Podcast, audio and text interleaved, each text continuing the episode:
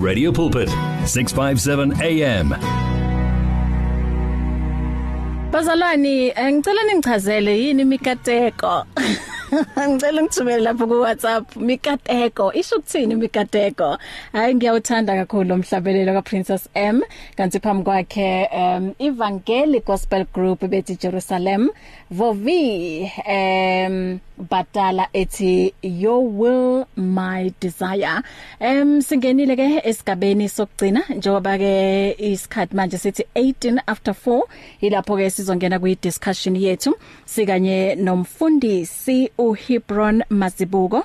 Eh bekumela belaba zalwane kodwa ke kube khona inkinga evelayo sizokhuluma naye ke online. Mfundisi sawubona. Sawubona bahleni njani nabalaleli bakho? Hayi siphilile kakhulu mfundisi. Thina sibonge nje ukuthi mm, eh sizongena kule discussion eh yakulolu suku. Sikanye nawe yasizoyivala kamnandi em iSeptember ngoba umkhuleko into enkulu mfundisi. Kakhulu impela kakhulu kakhulu bahle kodwa ke ngize ngithanda ukuthi sixoxe ngomkhuleko ukuthi uphelelwe amandla abantu abaningi abasawabona amandla omkhuleko. Ukuthi abasanalo ugqozi lokuqhubeka nokukhuleka. Eh and uyabona ilapho ke inkinga iqala khona? Ehe uma ke uzophelelwa ithemba uthi hayi cha mina ngineminyaka neminyaka ngikhuleka kodwa lento engiyikhulekelayo angiyiboni. So today siletha leyo mvuselelo mfundisi ukuthi kunamandla emkhulekweni. Kakhulu kakhulu umkhuleko impela impela impela if ungabheka nje uzobheka ukuthi i-president yase-United States yakhuleka uQueen Elizabeth yakhuleka ngiyazibala zonke lezinkolo zonke khona emhlabeni kuyakhulekwa. Kodwa ke kuba nenkinga ukuthi abantu baphelele amandla logozi lokukhuleka ngenxa yokungasawabona amandla okukhuleka. Namhlanje sifuna sixoxe ngalokho ukuthi ngempela ngeke sibone amandla omkhuleko ukuthi akuphi. Uma nginikeza nje ishansanyana ngikhaze ngomkhuleko ukuthi okokuqala we need to understand ukuthi yini umkhuleko. And then ke uma sesidiscuss discuss ukuthi umkhuleko yini sizothola ukuthi umkhuleko kahle hle hle it's nothing else but indlela esinikeza ngayo uNkulunkulu i-permission yokuthi participate kuma affairs wethu emhlabeni. Waye kushiso lokho? Ukufunda ku chapter um chapter 1 ku Genesis verse 28 ukuthi uNkulunkulu masenze abantu ngomfanekiso wethu basifuze bese bayabusa. Ngithanda igama lesingisi elithi let them rule. So nabamazi uNkulunkulu athi let them rule. uNkulunkulu has given us ileti planet leyasemhlabeni ngoba yena aku planet yasezulwini. Wasinikeza ukuthi kube yithini sibusako bahle la emhlabeni. And then uma sibusa la emhlabeni wasinikeza umzimba lo mzimba wethu lo eh, esingathi humus le humus le umzimba lo ophethe i-legal power yokuoperate emhlabeni. Of which uNkulunkulu since us spirit yena uzimentshile yena amandla okuoperate emhlabeni.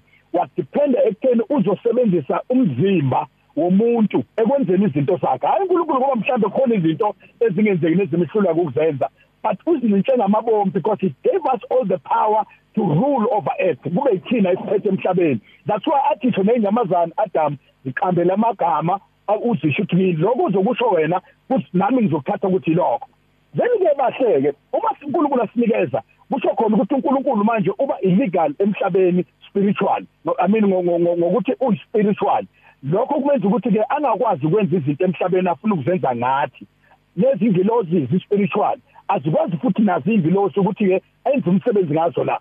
Sizokhumbula ukuthi ke ku-Exodus uNkulunkulu wenza sure ukuthi uthuma ulento uMose ubiza uMose uyakhumbula kwaba neargument between bobabili noMose ukuthi uMose athi akakwazi ukukhuluma ngeke akwazi ukuya eGibhithe uNkulunkulu amthembisa ukuba naye but now kunalento ukuthi ke ngabe uNkulunkulu bekasaba yini ukuthi hambe yedwa ukuzikhiphela abantu bakhe eGibhithe njengoyisithembiso asithembisa uAbraham ukuthi uzokwenza lokho na?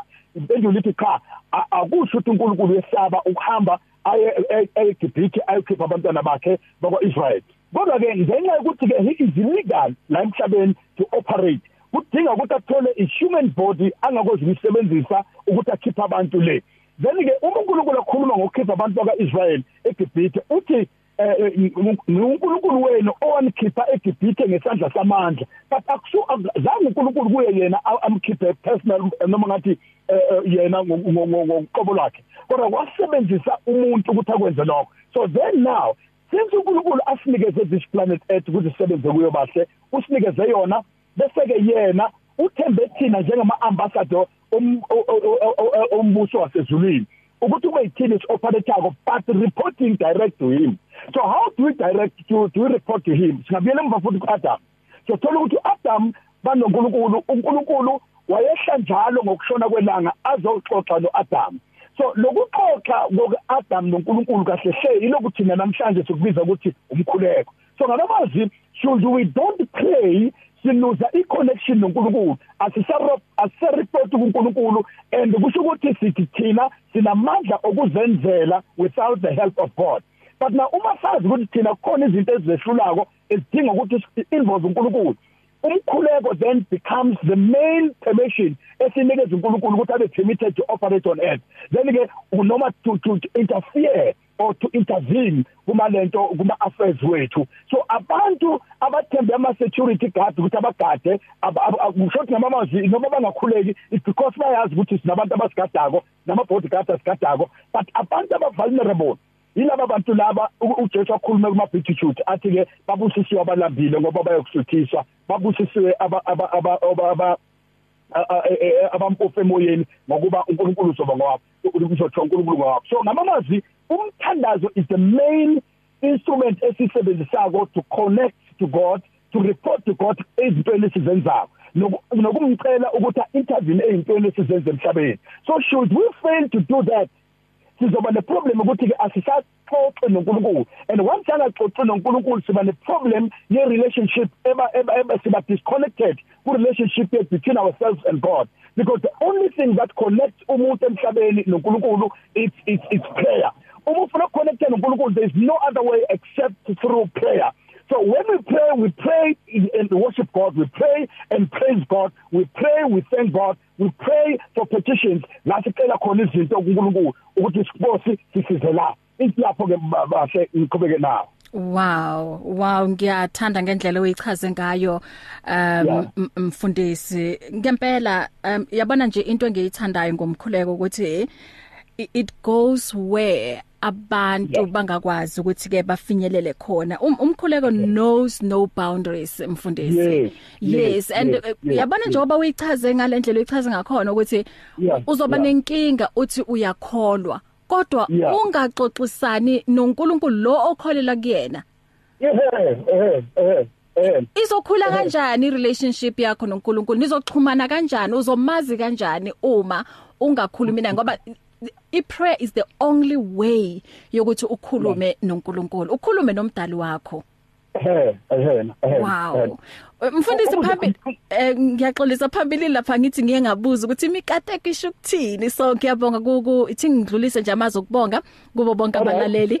Okuwukuthi baye bathi hayi bahle imikateko oh imikateko ichaza ukuthi blessings ibusiso lithonolofatho thank you so much. iya ngiyabonga kummesi sinyi ngiyabonga nakumfundisi umakami ngokuthi ke eh bayichaze le ndaba ukuthi isho ukuthini. Okay siqhubeke ke ngendaba yethu mfundisi yebo.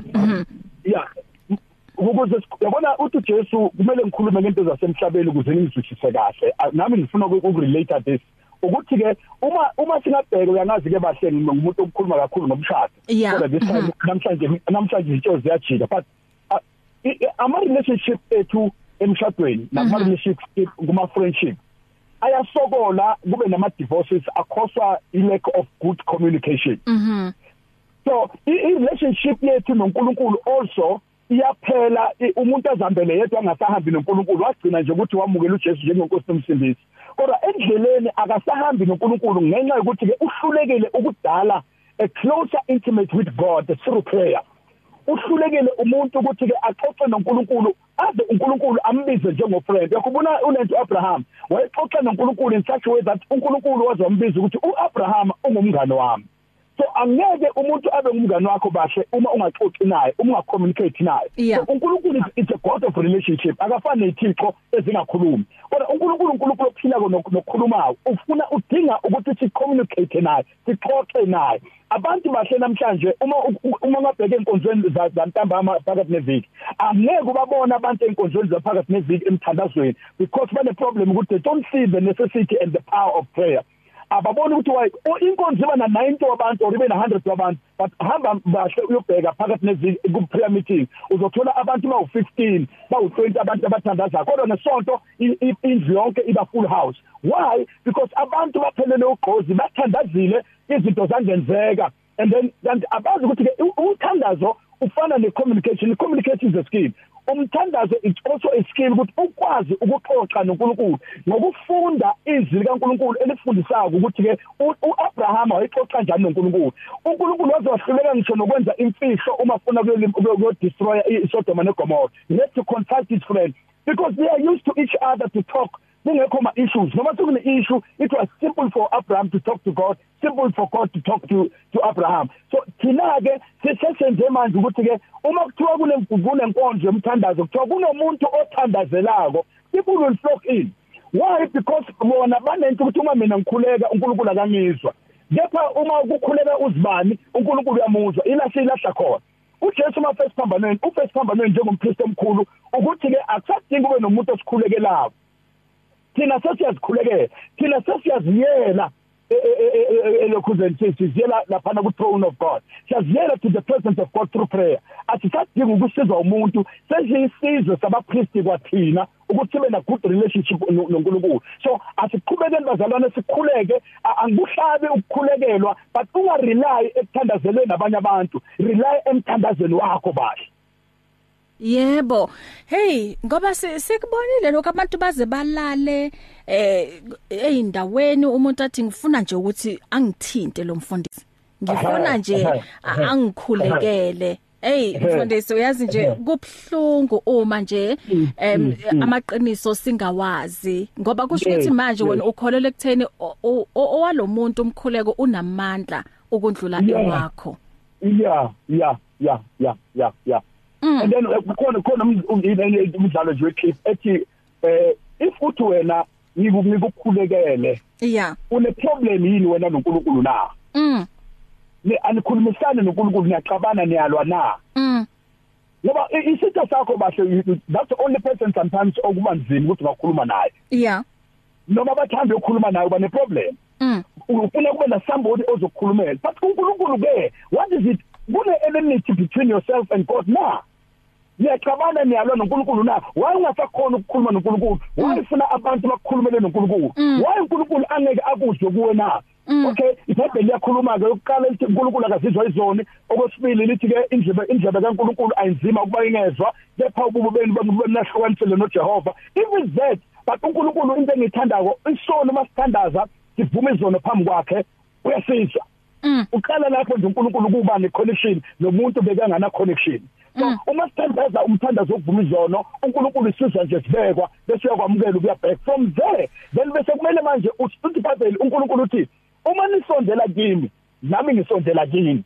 So noma manje uma thina si drift apart from God emthandazweni siyeka ukuthandaza singathandazi. Lokho kwenza ukuthi ke kube nobutha between ourselves and God. That's why we don't talk to God. Usifuna umuntu ovela kwelinye ilizwe ovela kwenye indawo odumile kube uyena okukhulumela noNkulunkulu. Angazi mhlambe ukukhuluma ilanguage uNkulunkulu angayizwa ukuthi ufuna kube notologi na.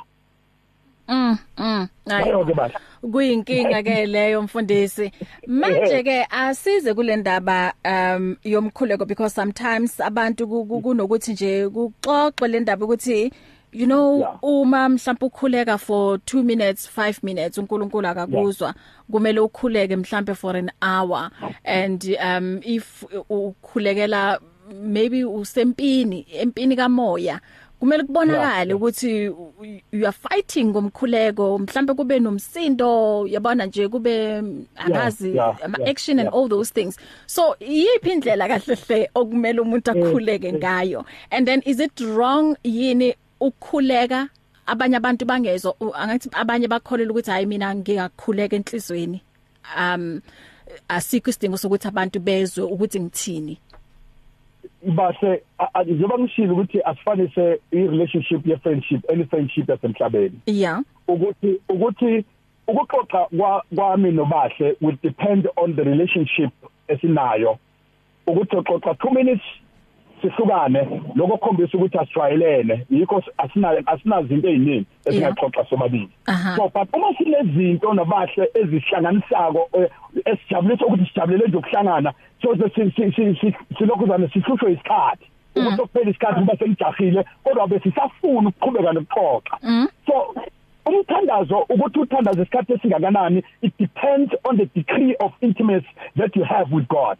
If ikutholakala ukuthi ke your intimate with God is is, is, is very slim lokho kuzokwenza ukuthi kungabi nazo indaba eziningi ozixoxa noNkulunkulu. That will take you in 2 minutes. Yes ukhulekile uNkulunkulu ukuzwile kule 2 minutes but it shows ukuthi you've got a problem. You don't have time. La ungahlala khona noNkulunkulu ukhulume na uJesu ukhuluma ngeminimum of 1 hour. Uthi uthi kwafundi bakhe anikhoni yini ukulinda just an hour?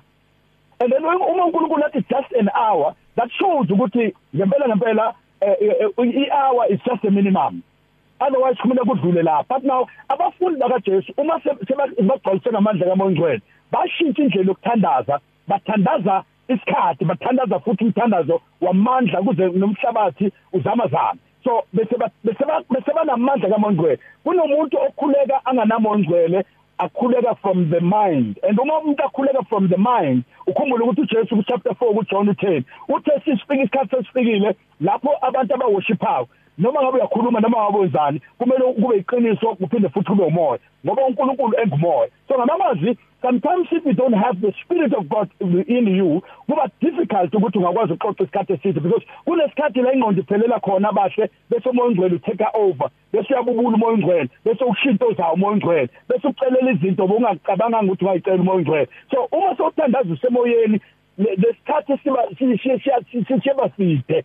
Kodwa uma ukhuluma ngengqondo yivele uzokhuluma amagama ayi2 njengomthandazo wasecrash umthandazo wasecrash abantwana bavele bathi our foot bless our foot in Jesus name our Lord amen. Bese kuyaphela then ke uma usese-crash emthandazweni. Lokho kuzokukhombisa ngokuthi isikhathi onaso emthandazweni siba sincane. But if you spend time with God it's because it depends on the degree of intimacy and the closeness and the relationship that you have with God.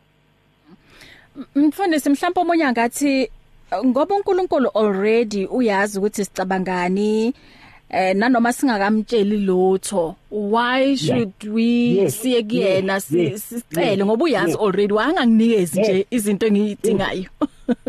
Yes yeah. Ngijabulisa ukuthi uJesu wakubona ukuthi abantu bazocabanga lokho ngoba ukushilo yena ukuthi nika kasho next uJesu. Mm. uJesu uqhubeka nokuthi khulekani ningaphezi yeah. And then ke abo Paul bafika bathi khulekani njalo. Mhm bathi konke makwenziwe ngani? Ngokukhuleka nokubonga. Everything. So ngamazwi bakhombisa ukuthi they were encouraging us to pray more. Mhm uyibona lo nto ke? So now asibuyele back to the question now. So ukuthi uNkulunkulu uyazi ngishile eqaleni ukuthi ke uNkulunkulu ubona everything uNkulunkulu wazi everything is omniscient uNkulunkulu is omnipresent ukhona yonke indawo. Uyabona ukuthi kwenzekalani kubantwana bakhe. But ngishilo ukuthi uNkulunkulu uNkulunkulu wezilakhe uthe let them rule. So ukusho kwakhe ukuthi let them rule kusho khona ukuthi ke he's not going to interfere. Uma abona ukuthi awumdingi he doesn't interfere no matter bona but uNkulunkulu ufuna wena to give him a permission to interact or to intervene. Mm. So if you don't give in permission uNkulunkulu cabanga ukuthi no khona into ozoyenza uyazwe. But uyabona uNkulunkulu ukuthi ukwenzekalani afuna nje wena. Kube uwena that's why athi nikubopha emhlabeni uyakubopha ezulwini. Akakubophi ezulwini kungakaboshwa yithi emhlabeni. Ukubopha emhlabeni kuboshwa nasezulwini so whatever we say kwenzeke that's why sithi ingqondo isiya invite let thy will be done on earth. Let thy will yabona it's an invitation. We are inviting God to interact. To inviting God to intervene. Ithina esimnikeza that permission. Should singakwenzi lokho then sithi thina uyazi uNkulunkulu angeke enze lithi uNkulunkulu. uNkulunkulu ufike kuyithina esimbiza uthi uma abantu bami ababizwa ngegama lami uma bangazithoba baphenduke mm. bakhuleke mina ke I will heal their land. But uNkulunkulu cannot heal our land until labantu ababizwa ngegama lakhe benze njani? Bakhuleke. Mm Mm. uyalibona izwi legula bahle. But yeah. God will, will never do anything until thina we come together in a corporate prayer and ask God to heal our land. And then God is going to heal our land. Hayi ukuthi akaboni uyabona but ulinde thina. Uthi uma if nayo ke bahle Wow. 16 um 37 sikhuluma ngamandla omkhuleko bazalwane sikanye Yeah. nomfundisi uHebron um Mazibuko. I- Ithi ke mfundisi mhlambe lapha ekhaya bayathanda ukuphawula nabo oh basesenayo imibuzo because eh, le ndaba yomkhuleko i i broad kakhulu Yes, i yes, i broad kakhulu, kakhulu kakhulu. mfundisi kunomunye kakhulu. namanje usa struggle ukuthi mara kahle Yes. hle what's the right way yokukhuluma noNkulunkulu ukuthi angizwe Yes, yes, yiphi indlela yes, leyo yes. ukuthi kumele ngicele ngayo ukuze uNkulunkulu aphendule im- imkhuleko Yes. yami omunye uthi ngina sure engakanani ukuthi uyangizwa yini em njoba Yeah. nezwi lisho ukuthi em Yeah. u- umkhuleko umuntu okholwayo um unamandla. So umuntu uyayibuza ukuthi ngabe ngiyakholwa ngempela yini? Ngabe unamandla ngempela yini umkhuleko wami? Okay asithathe Yeah. omunye la eh elayinini. Sawubona Dumelo semoyeni. Eh angazi ukuthi uhambile. Oh umfundisi usesekhona ne? Yeah. Ngisekhona ngisekhona. Phela all right. Ithi ngimzame futhi. Sawubona Dumelo semoyeni. Hayi sibahle eh wetata ah mntasekhaya. Mm. Ungakhathazeki mntasika nabaphulaphuli. Mm. Hey we, we are in an effort mntasekhaya yokucacisa kangangoko. Mm. Umfundisi wami oh ndikumva kamnandi kakuhle kakhulu kangoba ndiyabulela kuthixo ngaye. Uyabona umthandazo sibahle enkosi umfundisi ukuba andikotele i-second chronicles ne? Now ukota uchapter 7 masiqale pha kuvesi 13 U- u- uyambona pha uthixo uthi ukuba ngaba ndithe ndatshitxa izulu ayehle imvula mm. Mhm. Athi point number 2 uthi ndathumela iplug esasemhlabeni so yatya zonke izityalo zenu. Mhm. Yeah. so iswam of locust now athi point number 3 uthi ndathumela ubhubhane wesifo phakathi kwenu. Mm, mm, mm. sithi ke uyayibona ke covid le uthi ndathumela ubhubhane wesifo so phakathi kwenu. Athi pha ku-14 fusekotile athi ke abantu bam abo now babizwa ngegama lam now uba baye bazithoba uyabona ke uthi umfundisi ukuzithoba now has something has something to do nokuguquka mhm i- it's not just a matter of ukuthoba inhloko uyaqona I- u- ukuthi Aha. sijonga phansi yep aha So when talking about humbleness, so sithetha ngalento kuthiwa yi-repentance wholeheartedly now and faithfully. Eh? So if that uma abantu beguquka sibahle uthi umfundisi uthi ke ngoku they're gonna play eh so bazithandaze ke ngoku. Kuba kaloku sibahle baphulaphula siyazi ukuthi uthixo kwawuva umthandazo womoni thina thixo athi ke ngoku so sizawuthandaza. So sifuna ubuso bukathixo eh? so umfundisi uthi ayikho indlela engenye now yokufuna ubuso bukathixo. So sizafuna ubuso bukathixo sithandaza. Yep. Now sithandaza nje sithandaza siguqukile. Yep. Thina thixo now ukuze sibahle sifakale kuthixo I- that's the only solution the only answer mfundisi wami worldwide. Mm. For any problem for any trial and tribulation temptation enovela lehlabathi if we can take second chronicles eh chapter 7 so verse 13 and 14 ilonda umzekelo umthandazo umsema sishudo bayaphathi uma umthandazo. So i-umbilical cord eh so njengosana nonina eh so uzathi kumark so umark 11:24 uthi u- uma nisukuba nithandaza now nicela apha kuthixo nithandaza eh so qinisekani into ba ekanikucela senikufu uthi senikunikiwe eh nakufumana ke uyayibona lo contradiction injalo uthi qini asibani kucela nithandaza so qinisekani into ba senikunikiwe nokufumana ke uthatha ukuthini uthi uthi ngamanye amagama ukhona sibahle umoya oyingcwele in you so uma ngaba unomoya oyingcwele the world is yours doubt that not eh? doubt sisi doubt u-eric ummastermind umoya oyingcwele because he is the organizer of everything and awukwazi uthanda zomoya ingcwele engekho enkosi mfundisi kakhulu bakho baba mama Ew enkosi enkosi mfundisi bangani. Haleluya haleluya haleluya. Bless you baba. Eh ngicela ukuthi ngindlule ngala mfundisi. Okukhona othanda ukukuphawula kulokho ubaba bekakusho? Cha impela lo ibeke kahle kakhulu ibeke kahle kakhulu impela ibeke kahle kakhulu ukuthi isizwe sonke yabona isizwe sase South Africa uma singakwazi ukudimana sonke bese sihamba siyokhuleka siqale ngokuphenduka qala ezintweni ezirong I'm telling you even the corona uNkulunkulu angayilapha. Le ayikho into uNkulunkulu ayibehlula akukho kunzima kuNkulunkulu. Uma sikhula thina bathe sakhula abantu abadala babevamisile ukuthi uma izulu lingabonakali ngesikhathi ingafiki ngesikhathi babehamba baye entabeni bavuka ekseni bahambe baye entabeni. Uma babuya babebuya bemanzi belandelwa imvula. uNkulunkulu aphendula same time abaphendule because bebaba inhliziyo laba bantu bahambe baye entabeni bayofuna imvula babuye nemvula isina ugcine ngokukhuluma ukuthi ke abanye abantu bane problem yokuthi izinto azenzeki. Izinto azenzeki because kukhona izinto vele zenza ukuthi into zingenzeki. Number 1 izono ziyawuthiba umthandazo ukuthi ungabi right. Number 2 ukukholwa kuyenza ukuthi umthandazo ungasebenzi ngoba lithi iBhayibheli laba abeza kuya kufuna bakholwa ukuthi ukhona nokuthi umvuzo walabo abaphikelela kuyena. And then ke ukungakholwa kwethu noma ukukholwa kube kuncane kuyenza futhi ukuthi izinto singenzeke and then ukuthi sicela izinto ezinemotive errong lokho futhi uNkulunkulu wenza ukuthi izinto zingenzeke but now uma siya kuNkulunkulu kumele siye kuNkulunkulu si right naye. We need to have a relationship.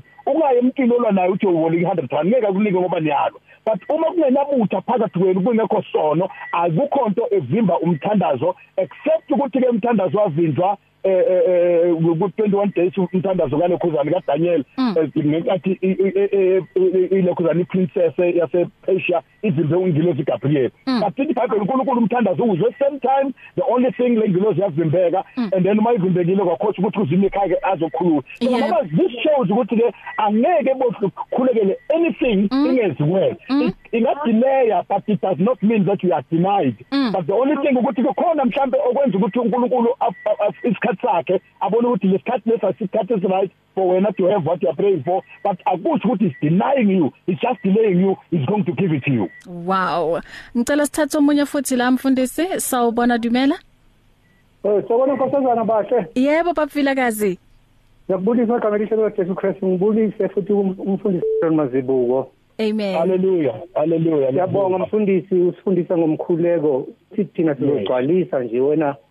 Usuhambe nayo le ndima mfundisi wami. Yeah. Yeah. Umkhuleko kudumisa uNkulunkulu kanti futhi ngomkhuleko sibeka ujabula kwethu nezinhlipho zethu. Nasidluliseka konke kusomandla ngomkhuleko. Yes. Yena uyalalela bese phendula.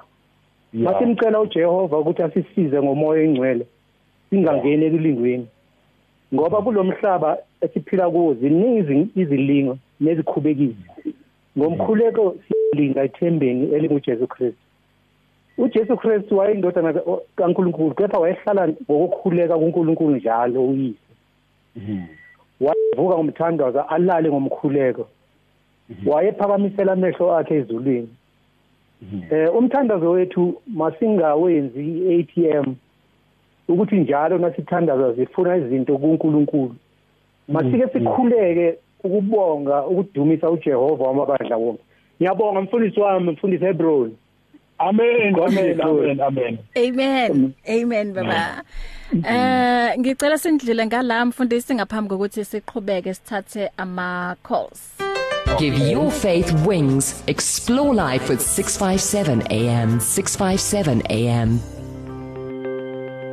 The world is facing a time of great uncertainty. The COVID 19 virus has impacted every person in some way or another. Are you afraid? Are you unsure about the future?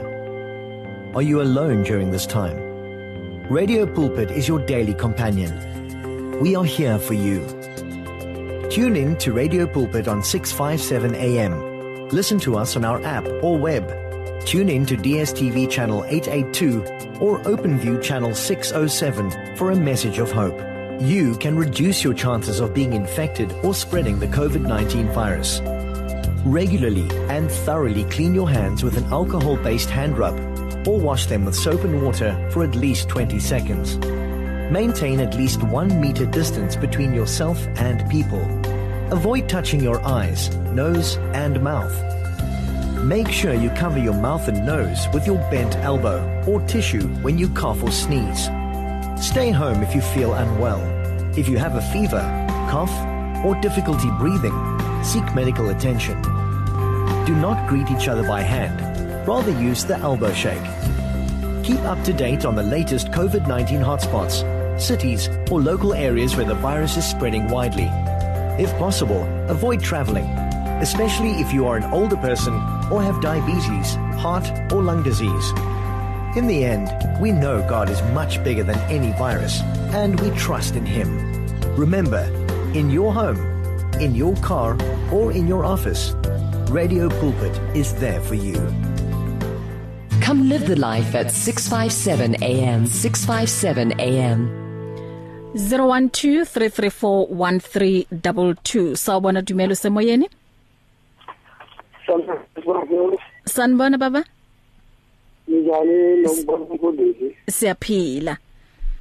Mina bengicela nje ningibukele kuMateyu 6 verse 7 bese ngithola incazelo angitholi incazelo lapha isibhale Matthew 6 verse 7 Mateyu 6 verse 7 all right. Okay. Yabo. all right. Okay sizoyibuka sizoyibuka baba. Okay. Okay. thank you. Thank you. Uh ithi siye lapha kuma voice note siqale la ngo uh ngomama lana Eh mfundisi nansi i voice note sizongena ngicela ukuthi sibheke mfundisi neme sibuya u Matthew 6 verse 7 Yeah, uthi uthi and when you pray, do not keep on babbling like pagans, for they think they will be heard because of their many words. Okay? Okay Okay. ngi eh, okay sizoyichaza mfundisi. Bengithi nje siyifunde kuqala. Ithi singindlule Okay. la ngama voice note eh sizo ukuthi abalaleli bathini. Okay. dumela sisibahle le bamamedi ba radio pulpit. Ke mme sesenyi ka freedom park gauteng. Moruti a re le nna ke na le maatla a go rapela le ntate modimo. O re na kante problem ya ka ke eng? Ke qabane le ntate modimo na because makhelwane ha ke qabane le yena ha ke mo buise. So gore tsatsing lena na ntho e etsang gore ke seke ka rapela ntate modimo ke eng Ha re- a re buisane na? Ke a leboa ke a leboa haholo le a re aha ka mehla le matsatsi. Thank you so much sis bahle. God bless.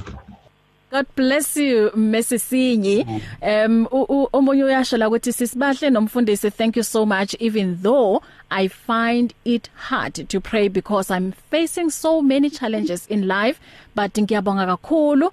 Nithi kim namhlanje I have to rely uh emkhulekweni for okay for myself hoba ke fuwe matla amen amen okay mfundisi eh asibuyele kule Matthew 6 verse 7 si- si- u- ubaba uthi akayiqondi kahle Yeah. Ngizokwenza ngicela ukuthi singanjani kulo siso oqeda ukukhuluma oqeda ukufunda ngayo lapho. all right Une unenkinga eziningi and akakhona ukukhuleka. Eh abantu abaningi ke ba deprive ilokho ke ibusiso zabo kuNkulunkulu. Bahle we, need also to know that even psychologically umthandazo is a therapy. Kuyitherapy kanjani? Abantu abaningi uma baba nema problem they need somebody to talk to and uh, immediately ukhuluma nomuntu ne problems zakho nama feelings wakho umthwalo uba lo as least ukuthi ukhulume na somebody lento le bekade iphethe kabi so if unganamuntu ongakwazi ukukhuluma naye I'm promising you this it's a therapy that you can use ukuthi just close your closet your- or your door and then ube wedwa. And then bese uyayithulula lento Uya- uyakhumbula indaba ka- kamama u- uHana. Umama uHana bekene problem ukathola abantwana and and uma uHana wabona ukuthi lento ngendlela semlimaza ngakhona aboza kwabo belu kube mhleke ukuthi akazali. Waba ne problem wathola umthwalo wezinkinga zokungazali. And uyazi ukuthi uma ungazali ke akusiyona inkinga ongayisombulula wena ngokwakho. Yeah. ingaphezulu kwamandla akho. But now wabona ukuthi into angayenza ukuthi aye tempelini ayi1 and uma ufika uma ufika etempelini iBhayibheli ngithanda lamazwi ngesizulu athi wathulula umphefumulo wakhe phambi kukaJehova. Ukuthulula umphefumulo wakho phambi kaJehova kusho ukusutha lomthwalo owuthwele unikeze kuNkulunkulu. Then ke uPeter namahubo basebenzela igama ukuthi ke cast all your cares upon him for he care for you. So ngamazwi uma uthwele kanzima wena kanye ke umuntu okumele uthandazile ukuze uthulule lo mthwalo. uJesu uphinda athi mina enikhathele nemsindwa kwezani kimi ukuba ngeniphumuze usho kona lokho ukuthi lo mthwalo nawo ulethe ngomkhuleko ulethe kuyo uphonsele kuyo bese wena uphuma usathwalanga bese you praise the Lord.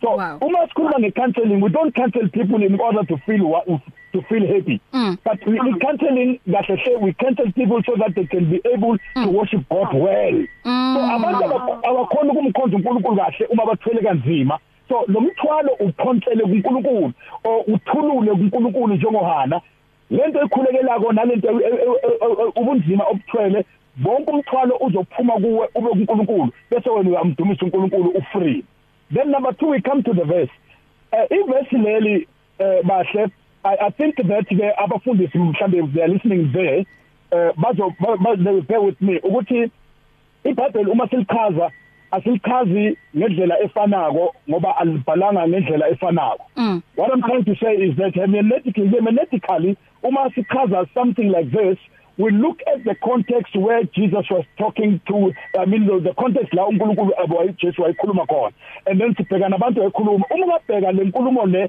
inkulumo le uJesu azama ukuhlukanisa abafundi bakhe nabafarisi. Because abafarisi yibo kanye abantu bebangama hypocrite yibo kanye abantu bebeme emgwaqweni bakhuluma amazwi amaningi ukuthi bezwe abantu. But now when we say khuluma isikhathi noNkulunkulu we are not saying that uma phambi kwabantu ukhuluma uba ngumsindo abantu enkonzweni sebathule bathe du sokukhuluma wena kuphela. No that is not, not that is uncalled for. But now uma sikhuluma ngokukhuluma noNkulunkulu noxoxa noNkulunkulu it's when you are at your closet. It's when you are alone with God. Noma mhlambe ngabe usentabeni noma ngabe ukuphi la ukhulekela khona ninolithuno uNkulunkulu. Bese lexoxa. Akho umuntu ongaqalela isikhathi lapho. But ukuthandaza ukukhombisa abantu ukuthi wena ukwazi ukuthandaza yiloko uJesu asho kona kule kule verse. Ukuthi ke ungakhulumi lokho ukuthi ufuna abantu bakubone ukuthi wena umuntu othandazayo lokwazi ukuthandaza but now imithandazo ihlukile kunomthandazo la o personal kunomthandazo o corporate la sithandaza sibaningi so uma si corporate sithandazela lento esikuyo asithandazela izinkinga zasekhaya lami nenkinga zami. So yilapho ke kumele ungathandaza umthandazo omude kuze kudineke nabanye abantu. But uma uwedwa then kune different ke kulento le Jesu asho but njengoba ngisho ukuthi ke wayikhuluma la akhuluma ukuhlukanisa abafundi bakhe abahlukanisa nabafarisi laba bebenza izinto ukuze babonwe. Yeah. Emgwaqweni bangama hypocrites so yikho akhuluma kaso kepha kahle hlehle uJesu mathi khulekani ngaphezulu uma uthi Jesu anikwazi nje ukulinda just ihora na emthandazweni. So ngamamazwi ama context akusho ukuthi uyaziphikisa kuloko but yila bekakhona wakudinga ukuthi akhulume ngale ndlela and futhi nakule ndawo akuyo wakudinga ukuthi akhulume ngale ndlela leyo futhi ngenxa yesimo. Yes. Wow. Okay asindlulela nge message iphuma kusesithidi Munkwe uthi great yes. show uh pastor Clara Mashabane. Thank you for reminding us that God's got our back. Okay imotivation leyo. Uphinde futhi abonge na ku pastor Loyiso Thembisa. Uthi thank you for encouraging us to keep uh, dreaming and living within our purpose. Uthi Pastor Hebron Mazibuko, thank you for reminding us that we need to maintain a good relationship with God through communication amen, amen, with amen. prayer. Uthi yo kwabashushu when he said mm. the amount mm. of time we spend mm. in prayer depends mm. on the relationship we have with God. The degree mm. of intimacy. Uthi yeah. indaba ila ku relationship uthi wow mm. that is powerful. Mfundisi um yes, yes. unfortunately isikhathi sethi sona nje esithi hayi cha ungathi indaba yethu eh iphelela la. Yeah, um in in in few minutes or i think it's in yeah. few seconds few yes. seconds um yes. asivale mfundisi. Yeah. Ngifuna nje ukuthi to understand the principle of prayer it is necessary to understand the mind and purpose yeah. of the creator himself. Mhm ngibhala ngalo mazwi. Amen. Umfundisi bamthola kuphi? Um inamba yami ashintshanga u08235 33981 ngiyaphinda 082 3533 Amen. Eh, umfundisi umfundisi Mabhena naye uthumele umyalezo lana. Eh uthi uthi uthi uthi nomfundisi uthi siyabonga kakhulu sisibahle nomfundisi Mazibuko sibonga ukufundiswa ngamandla nokubaluleka komkhuleko. Konje mfundisi utholakala kweliphi ihlelo mhlawumbe eh bakulandele lapho. Usesikhona kwezinye inhlelo la ekhaya. Ya eh ngino ngino ngino nginosibongile bengikhona nje bengikhona ngolosithathu esenze bekade ngikhona. Noma ngingasisho ukuthi mhlambe ngizaphinda kube khona ngolosithathu kodwa ke ngivele ke uma ngivele nosibongile always ngivela ngendaba zomshado. And futhi for information i've written a book called uh, uh, understanding marriage. Wow. and uh, already selikhona lipublish likhona manje liyathengiswa. Then abalifuna ko bangakwazi ukuthi bangithinte balithole. And then ke impela impela impela ngiyajabula kakhulu sobe si launch on the 6th of November ethema la sikhona khona encwadi street si launch bese siba nama singings sibe nama nama nama couples sixoxe ngendaba zokuthandana Amen. Amen. Hallelujah. Amen. Hallelujah mfundisi. Eh sizophinda futhi sihlangane. God bless you. Bless you too. Bless you too. Okay, ngathi kunomyalezo ogcina la esindlula ngawo masinya sibone ukuthi uthini umfundisi. Oh, uthi great show indeed. Bless you baba and have a fabulous uh, Sunday. Amen kuleyo ndawo. Amen. Umfundisi Ray Khodi uzoqhubeka nawe ke ngo 5 o'clock until 7 mina nawe sisonke nakusasa ekseni. Bless you. One vision, one voice, one message. Radio Pulpit 657 AM and 729 Cape Pulpit, impacting lives from Gauteng to the Cape. If you need prayer, please send your request to prayer at radiopulpit.co.za or WhatsApp 067-429-7564 or go to Radio Pulpit website on www.radiopulpit.co.za It's here. Radio Pulpit's new website is live. You can tune in at radiopulpit.co.za and enjoy crystal clear sound with just a click of a button or listen to our podcasts.